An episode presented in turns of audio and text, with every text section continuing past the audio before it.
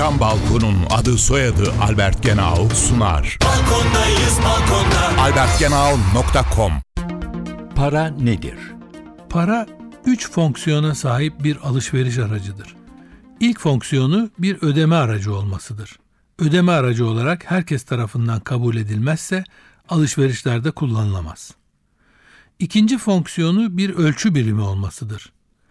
Para değer ölçer. Örneğin domatesin kilosu 2 lira dediğimizde domatesin değerini ifade etmiş oluruz. Üçüncü fonksiyonu bir birikim aracı olmasıdır. Parayla tasarruf yapılır. Bugün harcanmayacak olan para biriktirilirse harcama gücü sonraki dönemlere aktarılmış olur. İki tür para vardır. Madeni ufaklık parayı darphane basar, kağıt parayı yani banknotu da Merkez Bankası basar.